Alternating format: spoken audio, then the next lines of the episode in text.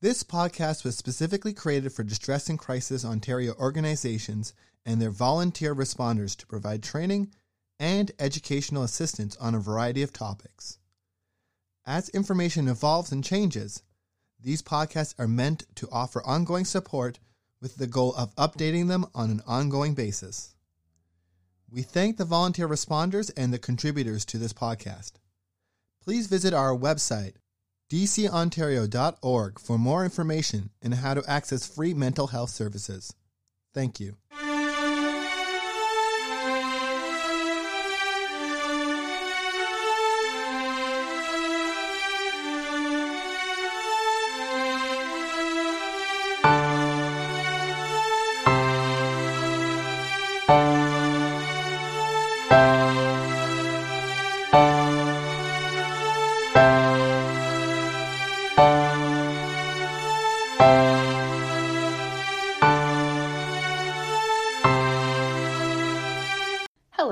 Thank you for joining us here on Distress and Crisis Ontario's podcast. We're glad to have you.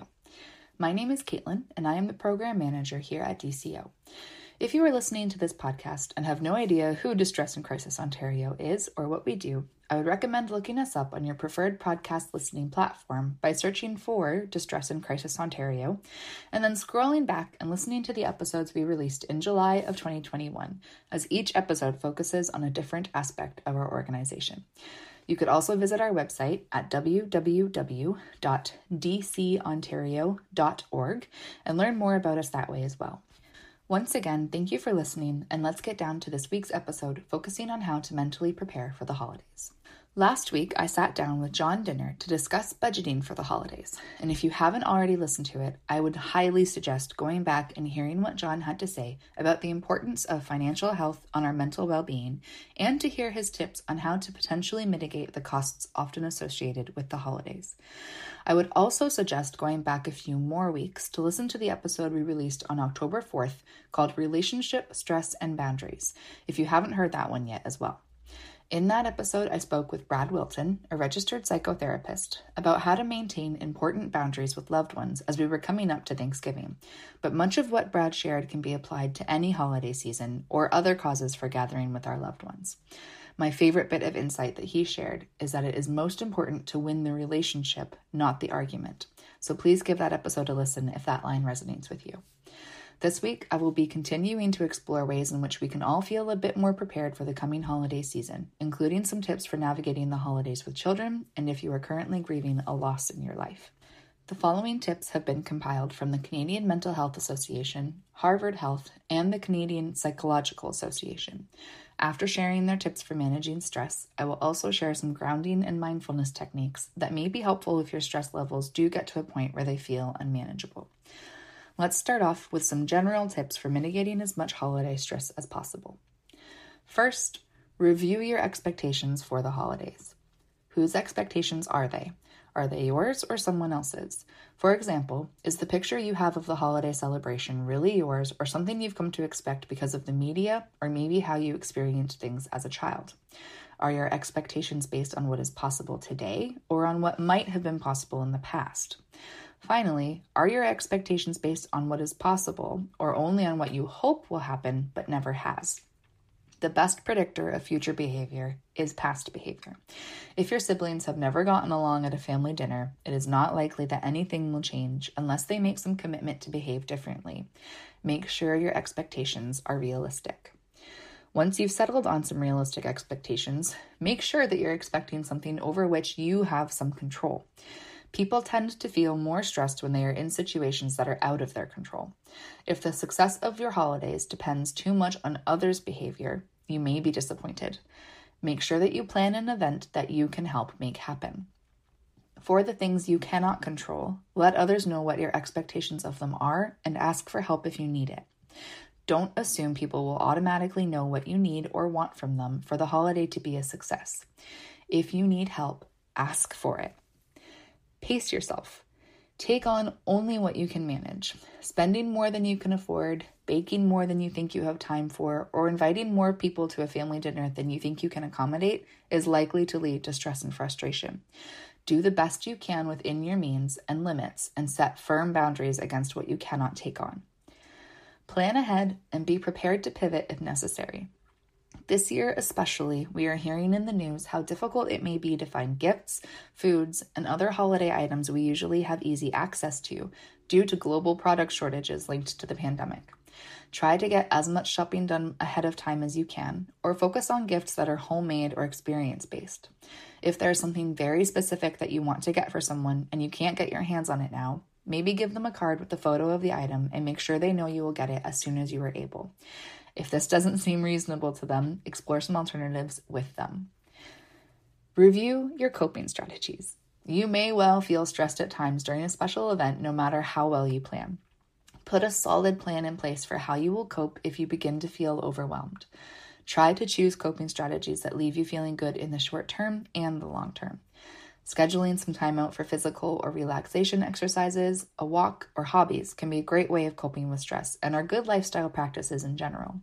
If your schedule cannot be accommodating to an activity like those, do your best to prioritize even just 10 minutes of time where you can go to a quiet area, focus on your breathing, and calm your mind.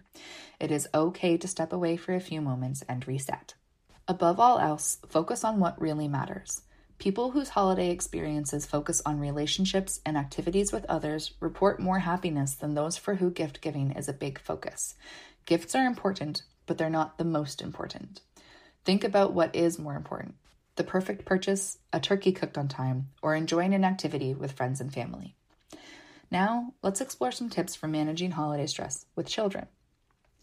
A major factor will be using the first set of tips to manage your own stress.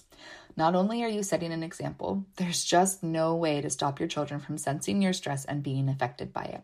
It's kind of like the safety message we hear every time we get on an airplane. If you are flying with a child and the oxygen masks drop, you should put yours on first and then put on the child's. You're no good to anyone if you can't function. Try to be self aware, set aside that time for yourself. Create code words that your partner and friends can use to let you know when you're starting to act like a snippy crazy person. Practice self care, get enough sleep. Speaking of sleep, as much as possible, keep routines the same. Kids do best when routines are predictable and healthy. This is particularly true for sleep. As tempting as it may be to let the kids stay up late and sleep late through the holidays, try to stay within an hour of usual times, except for special occasions like Christmas morning or New Year's Eve. We all do better when we stick to our sleep routines. Same goes for meal times. Try to ensure your kids get three healthy meals a day, preferably with you and not in front of the TV. As you think about how your children will spend the holidays, manage their expectations like you manage your own. It is perfectly normal for kids to feel overly excited about the holidays and expect over the top gifts and experiences. So, be upfront and let kids know what they can and cannot expect.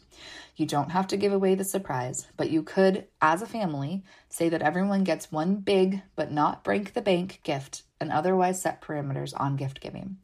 And you can sit together, look at the calendar, and let your kids know what you can and cannot pull off when it comes to vacation activities. As you think about those activities, keep kids active. Sitting in front of the TV, gaming console, an iPad, or phone screen all day isn't good for anyone, and exercise is a known stress buster. Kick them outside if you have a safe space for them to play. Go to the park. Go for walks together. If you're able to do so, take advantage of free swim time at the local Y or try one new activity like rock climbing or a ropes course. Doing any of these activities together is key. So make sure that you spend some time together real time where you are sharing an activity. Going to the movies or having a family movie night is fine and a nice way to end a crazy day, but try to do things that involve focused interaction. Play games together, do a puzzle, make handmade Christmas cards, or bake cookies, which is also a good example of how you can build some family holiday rituals if you don't have them already. Whether it is holiday baking, making homemade gifts together, or a particular concert you always attend, or maybe stream virtually, Create things you can do together every year that are meaningful and fun. There are plenty of things you have to do. Make your family rituals things you want to do. As you build your rituals, maybe try to choose something to do as a family that helps others that falls within your means. Choose one or two new or gently used toys for a toy drive. Go through clothes in the closet and bring gently used ones to a shelter or clothing drive. Make handmade cards for residents of your local nursing home. Donating money to causes is always great, but look for things that your children can actively participate in, preferably that you can do as a family. Try not to think of it as another family chore. Instead, think of it as a way to not only teach kindness, but to keep perspective on the holidays and on what's way more important than presents or parties building relationships. Now, here are some tips for coping with holiday grief, as the holiday season can be especially rough for those of us who've lost someone close. With all the messages of family togetherness and joy, the emptiness left behind when someone passes away is in harsh contrast to what society seems to expect us to feel. Talking about the deceased person is okay. Your stress will only increase if the deceased person's memory is allowed to become a landmine that everyone tiptoes around. Acknowledge that things won't be the same. It's normal to feel at odds with yourself and family events when dealing with grief. Try not to hide away, but don't feel guilty about setting limits on how many events you will attend. Don't let other people's expectations dictate how your holiday will unfold. If you don't feel like doing something this holiday season, don't let others force you. If you do want to attend holiday functions, make sure you know your limits. Leave early, arrive late, drive alone, do whatever you need to do to help yourself. Take care of yourself and seek support. Stress, depression, and bodily neglect are not a great mix at any time of the year. Don't forget to practice self care and talk to your friends and family about how you feel. Also, many communities offer support groups for people who are grieving, and many are offered virtually. Being around people who know what you're going through can be very comforting. Think about building some new traditions. Remember that it's okay not to do what you would normally do. Planning something totally different is not an insult to the memory of a loved one and can be a positive way to ease some of the pressure. That said, one of the traditions may include planning a special time to celebrate the memories of the person who died. Some families develop creative rituals like decorating a miniature Christmas tree at the cemetery, donating money to a charity in their name, singing their favorite seasonal song, reciting a special prayer before the evening meal, or even just lighting a candle. Symbolic gestures like these can help families validate their feelings of sadness and overcome the guilt that may come with enjoying special occasions. As much as we can do our very best to follow each of these tips and be as prepared as possible for the holidays, it sometimes seems inevitable that there will come a time of feeling overwhelmed or stressed out by something that just didn't quite work out the way we hoped and planned. If this happens, remember that you are not alone in feeling this way, that your emotions are valid and understandable, and that it is okay to walk away from the situation and take a few minutes to recenter yourself so that you can move forward with the day feeling more mentally prepared. Here are a few additional tips for grounding and mindfulness if the need arises. If you find yourself feeling overwhelmed by the planning process and aren't sure how you're going to manage your expectations, try this. Take a piece of paper and a pen and write down every single thing, big or small, that is causing you to worry or feel overwhelmed. Cross out anything that you cannot control and focus only on the things that you can do something about. The five senses grounding technique can be very helpful in those moments when your heart is racing, you feel like you can't catch your breath, and everything is just too much. Excuse yourself to a quiet room or step outside, take a deep breath, and while focusing on slowing your breathing, look for the following and describe them to yourself five things that you can see, four things that you can touch, three things that you can hear, two things you can smell, and one thing you can taste. For example, as I sit here recording this podcast, I can see photos of my family that bring me joy. I can touch the rough wood of my desk and feel its nicks and grooves. I hear the wind blowing through the leaves of the trees around my home. I can smell the candle I have sitting open beside me, and I can taste the remnants of the tea I had before starting this recording. Taking the time to shift your focus from your anxieties and onto each of these things will help calm your mind and bring your breathing back to a normal speed so that you can effectively regroup and decide how to move forward in a healthy way. If, like many other people, you carry your tension in your muscles, you could try progressive muscle relaxation. Progressive muscle relaxation involves relaxing all the muscles in your body, group by group. To practice, you can start with a few deep breaths then focus on tightening and relaxing each muscle group, starting with your forehead and moving down to your toes.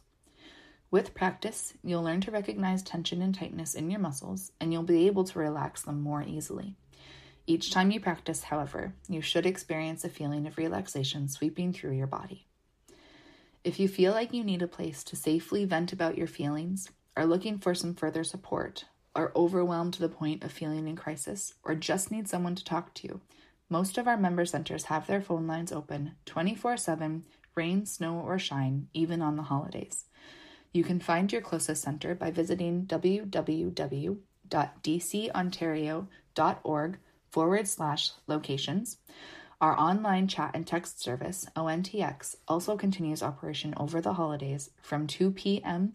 to 2 a.m. daily and can also be accessed on our website by clicking the sidebar looking for support or by texting support to 258 258. That's 258 258. No issue is too big or too small, and the trained volunteers are happy to support you.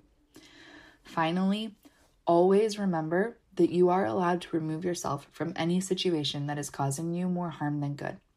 If you thought you could handle hosting everyone at your house this year, but it's actually proving to be too much, or if you are at someone else's home and are overwhelmed and unable to calm yourself, you are absolutely allowed to ask everyone to leave or to take yourself home. Yes, people might be upset with you, and that can be difficult to manage, but you are the only one who can enforce your own boundaries, and it's important that you make the best choice for you. Thank you for listening to this week's episode. We hope that it has helped you feel more prepared for the coming season and given you some useful tips that will be applicable beyond the holidays as well. Please join us again next week as I talk with Reese about how he manages his home life balance between family, work, and personal responsibilities. Take care, stay safe, and please never hesitate to ask for help. Thank you.